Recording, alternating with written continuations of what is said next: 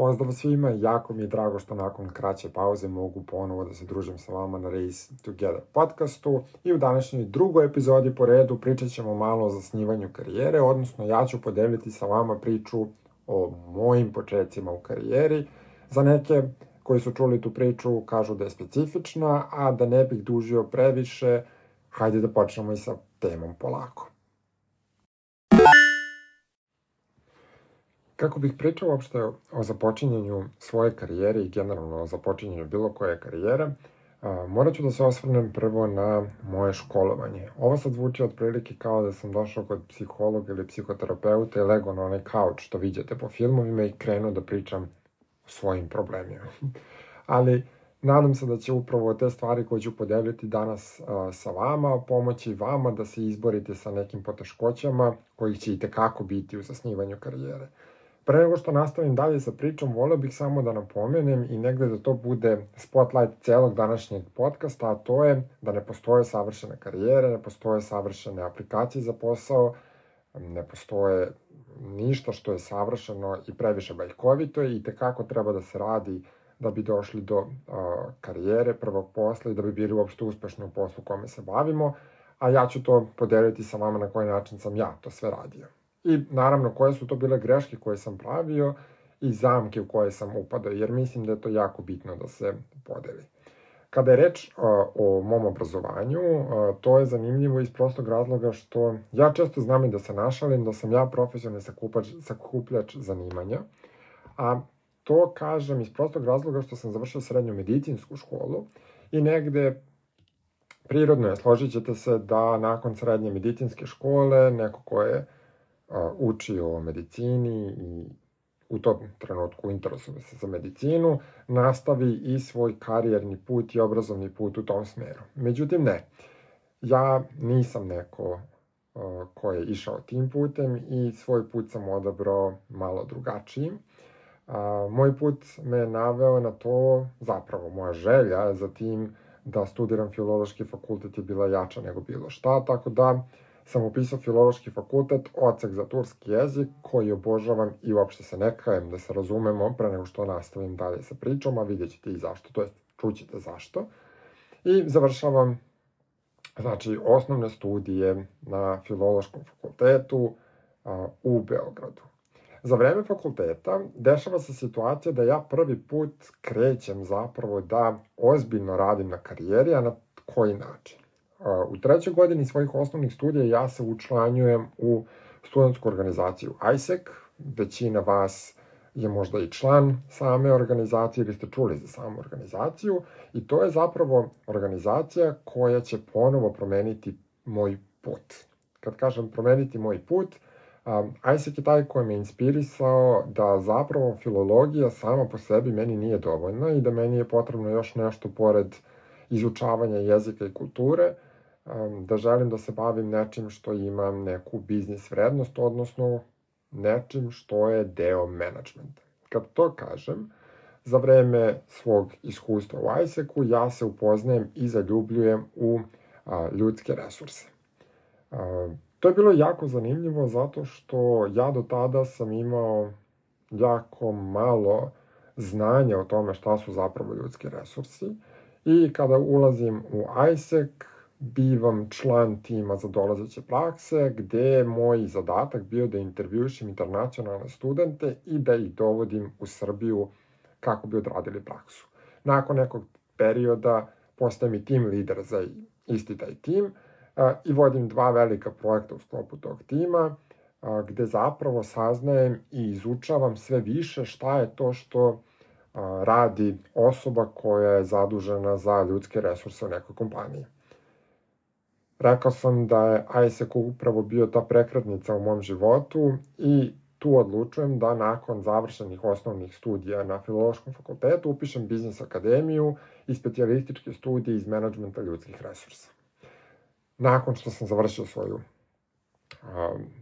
da kažem, edukaciju i taj neki obrazovni deo vezan za ljudske resurse, došlo je na red i da tražim novi posao. Moram da ispravim sam sebe ovde. ne tražim novi posao, nego tražim svoj prvi posao. I to je trenutak kada cijela avantura kreće i kada taj emotivni ringišpil kreće da se vrti. Zašto to kažem? Pa evo sad ćete saznati kroz koju sekundu. U trenutku kada sam završio fakultet, upisao se specializaciju, krenuo da se edukujem, završio edukaciju za ljudske resurse i sad sam mislio da sam spreman da počnem i da radim, jer to je nekako normalan sled događaja. Sećam se u tom trenutku, ja sam poslao oko 500 prijava a, i samo sam na dve prijave, odnosno na dva apliciranja dobio odgovor i poziv na intervju. U tom trenutku ja sam bio na sedmom nebu. Pozvali su me na intervju za kompanije za koje sam aplicirao, za kojima, u kojima sam želeo da radim. Odlazim na ta dva intervjua, predstavljam se kako se predstavljam u tom trenutku, u smislu da sam dao sve od sebe da se predstavim što je bolje moguće. Odlazim kući i onda sledi period čekanja. Ja znam da je dosta pa mogu da kažem i nas, jer sam i ja bio jedan od tih ljudi, koji se jako ljute na regrutere, koji ne odgovaraju dugo na a, mailove, odnosno ne daju feedback.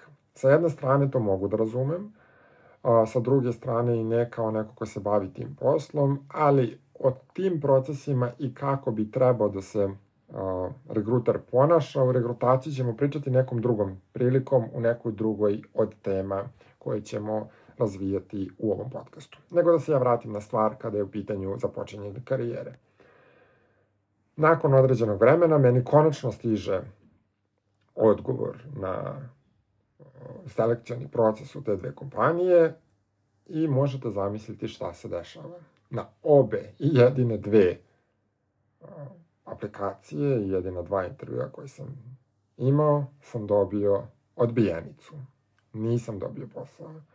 Razlog za to, zapravo odbijenica je bila prilično generički napisana a, i jedna od prvih grešaka koje sam ja uradio jeste što nisam tražio detaljniji feedback iako imam pravo za to. Tako da, eto, neka to bude prva lekcija koju bih vam, ajde da kažem, dao kroz svoje iskustvo, to je kada dobijete odbijenicu i tekako tražite feedback na svoj aplikacijani proces i šta je ono što je presudilo da ne budete izabrani za određenu poziciju. Ovo je jako bitno zato što jedino na taj način možete raditi da poboljšate tu stvar i da negde sebi povećate šanse da dobijete posao. Sećam se, nakon te dve odbijenice, ja padam u neku vrstu depresije, sa mislima da nisam dovoljno dobar, da ja nikad neću naći posao, da se ja nikad neću zaposliti, pa onda i ona razmišljanja, pa šta to drugi imaju što ja nemam, ma mora da je to namešteno, mora da je u pitanju neka veza ili šta god da prolazi u tom trenutku kroz glavu svakom ko je odbijen.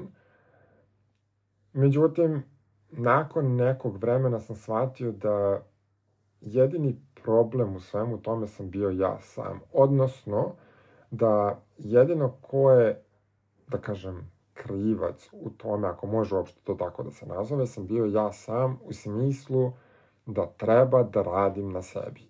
Odnosno, malo pre sam rekao da je prva greška koju sam napravio upravo to što nisam tražio feedback od kompanija koje su me odbile, jer na osnovu tog feedbacka bih znao konkretno na čemu treba da radim. Posle nekog vremena kada sam malo došao sebi, počeo sam da tražim posao dalje, međutim ovog puta odustajem, bar privremeno, od traženja posla u ljudskim resursima i menjam pravac. Smatram da u tom trenutku mi je falilo malo tih komunikacijonih veština i veština aktivnog slušanja, te apliciram za pozicije koje se tiču customer support rola, odnosno da radim kao agent podrške klijentima, gde i dobijam svoj prvi posao. Tako da moj prvi zvaničan posao uopšte nije bio u oblasti ljudskih resursa, već u oblasti korisničke podrške, koju sam radio na turskom jeziku kao neko koga je izavršio na fakultetu.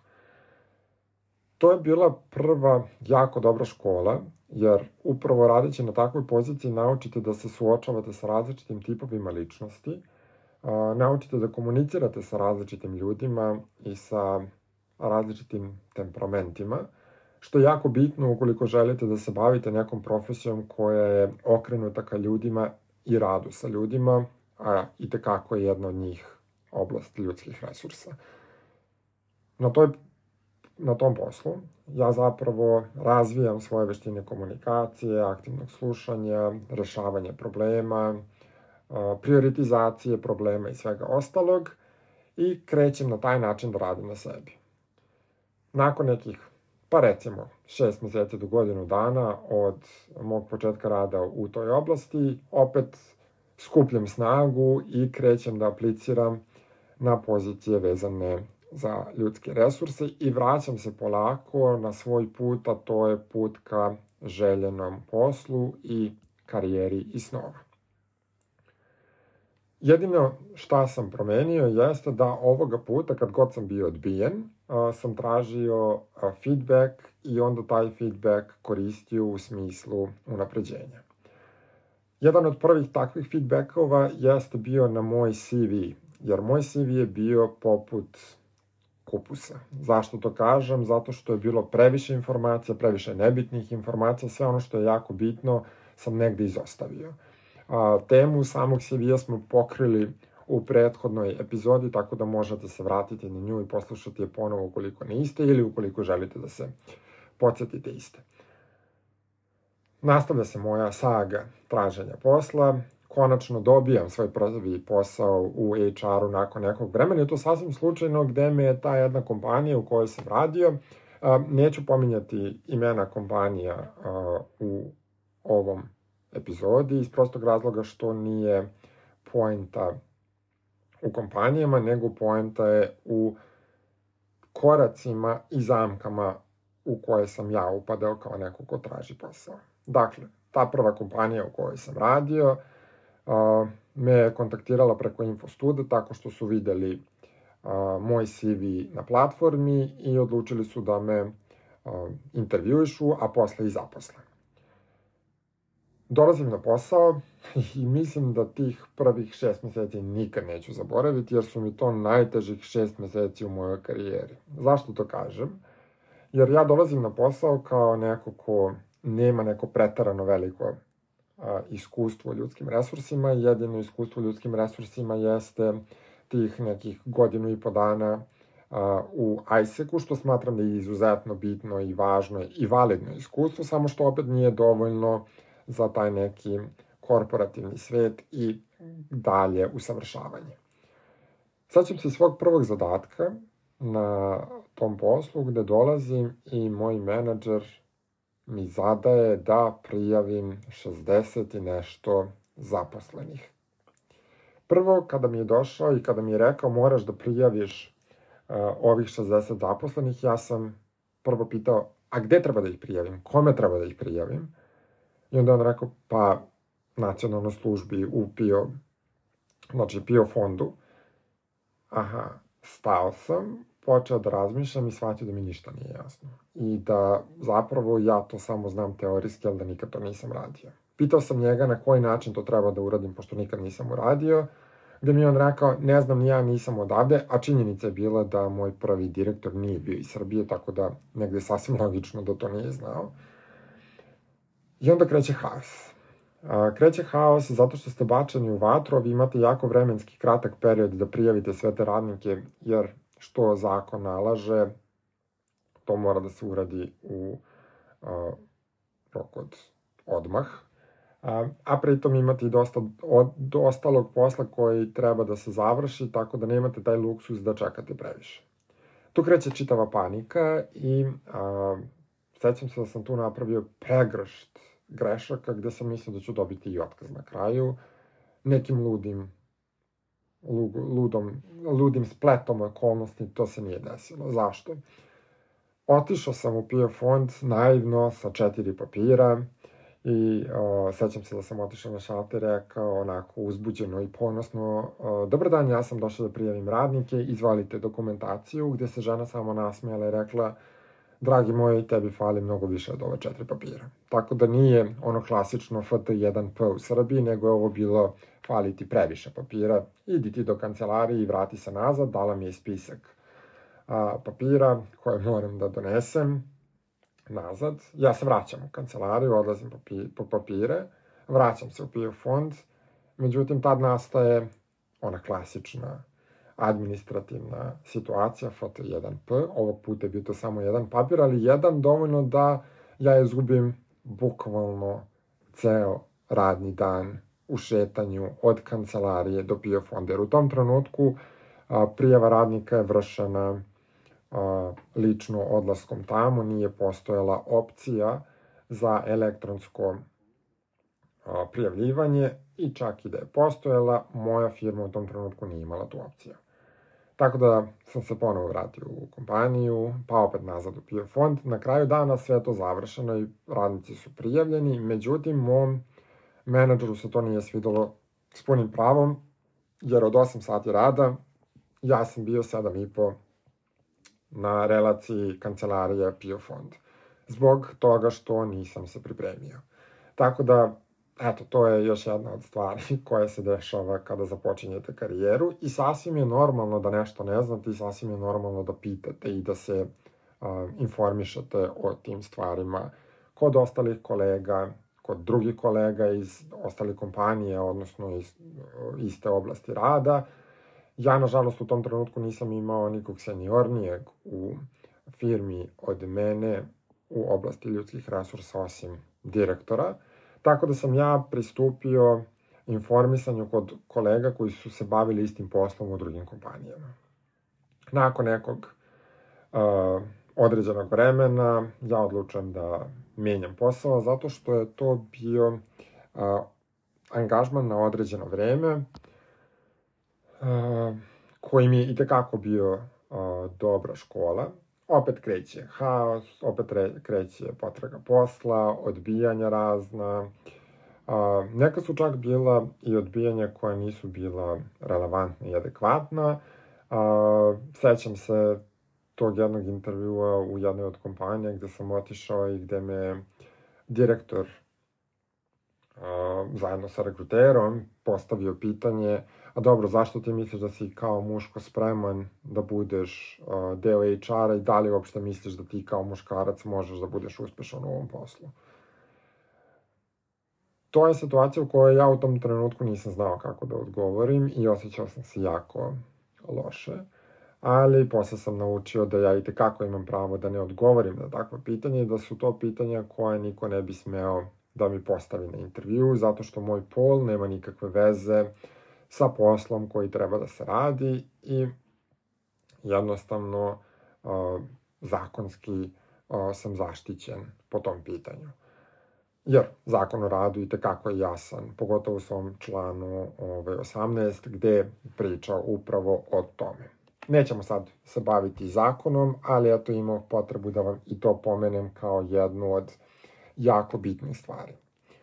Uh, Posle toga sam počeo da radim u drugoj agenciji, u, to jest u drugoj kompaniji, međutim na a, projektu koji je trajao određeno vreme, tako da sam se bavio i HR-om po projektima, što mi isto tako dalo dosta iskustva, dosta nekog novog znanja, drugačijeg znanja nego kada radite u jednoj firmi konstantno. Ali moj cilj je uvek bio da a, radim u nekoj velikoj korporaciji, da budem deo korporativnog sveta, jer mislim da tu ima najviše izazova i negde najviše uh, prostora za učenje i usavršavanje. A, sećam se da sam već tad počeo konstantno da apliciram za kompaniju u kojoj trenutno radim, a verujem da je dosta vas istražilo gde radim umeđu vremenu, pošto svi ti podaci su i tekako dostupni na mom LinkedInu. Uh, Međutim, ja sam u firmi u kojoj trenutno radim isto aplicirao više od 10 puta kako bih konačno bio primećen pre neke dve i po godine, znači dosta posle početka moje same karijere u uh, HR svetu I nakon desetog pokušaja ja dobijam priliku da budem intervjuisan. Uh, intervju je trajao, to proces intervjua trajao jako dugo, intervjuisao me jako veliki broj ljudi i nakon nekog određenog vremena ja dobijam posao i konačno ulazim u korporativni svet i radim HR posao u takvom nekom internacionalnom, multikulturalnom okruženju. Ovo sam sve ispričao onako kao neku osnovnu priču svega onoga što može da se desi i samo da pokažem kako ne postoje savršene aplikacije i savršeno lako dobijanje posla. Ne kažem da nije moguće da dobijete posao na prvo apliciranje, to je i tekako moguće, ali to znači da ste se i tekako pozabavili sobom i da ste imali tu uh, taj razgovor sami sa sobom u smislu šta je ono što mi fali, šta je ono sa čime sam dobar i da znam da to predstavim na pravi način jer sam se posavetovao sa nekim ko je u poslu neko određeno vreme ili se bavi upravo tim poslom pa može da me posavetuje.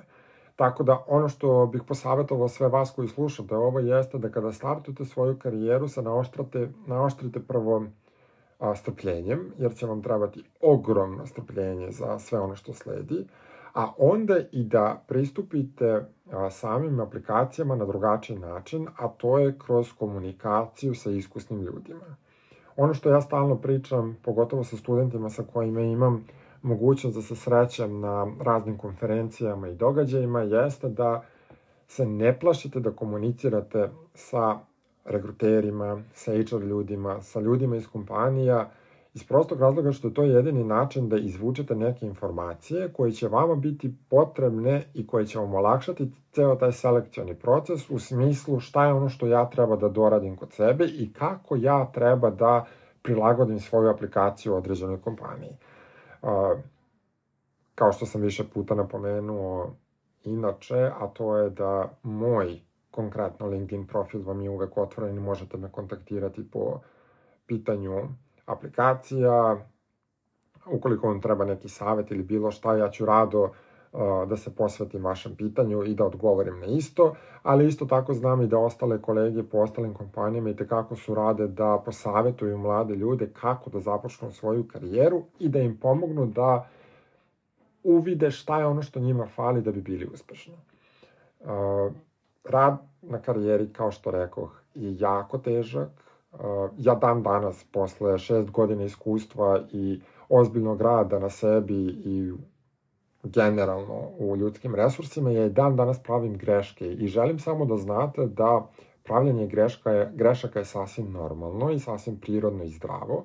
Međutim, jedina stvar koju morate da pazite jeste da greške ne vladaju vama, nego da vi vladate greškama. U smislu, ok napraviti grešku, ali je jako bitno znati da izvučem pouku iz te greške koju sam napravio i da naučim nešto novo kako je ne bih ponovio ponovo. Tako da volite svoje greške jer ih ja obožavam. Ja sam neko koji tekako jasno i glasno priča o svojim greškama. Uh, pričat će o greškama i sa svojim gostima u buduće. Evo jedne ekskluzive, ajde tako da se ovaj, popularno izrazim.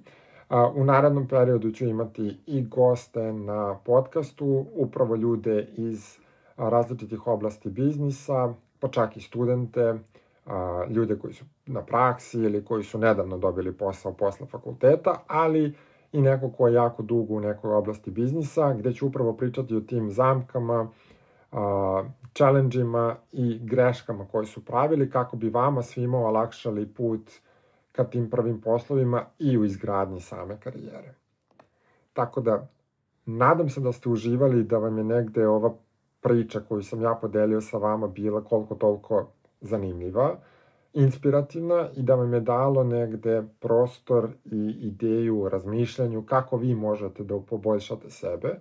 Ukoliko vam treba još neki podstrek ili želite da me pitate još nešto konkretnije, ja vam stojim na raspolaganju što putem LinkedIna, ukoliko ukucate Nemanja Stojšić, pronaći ćete me na LinkedInu.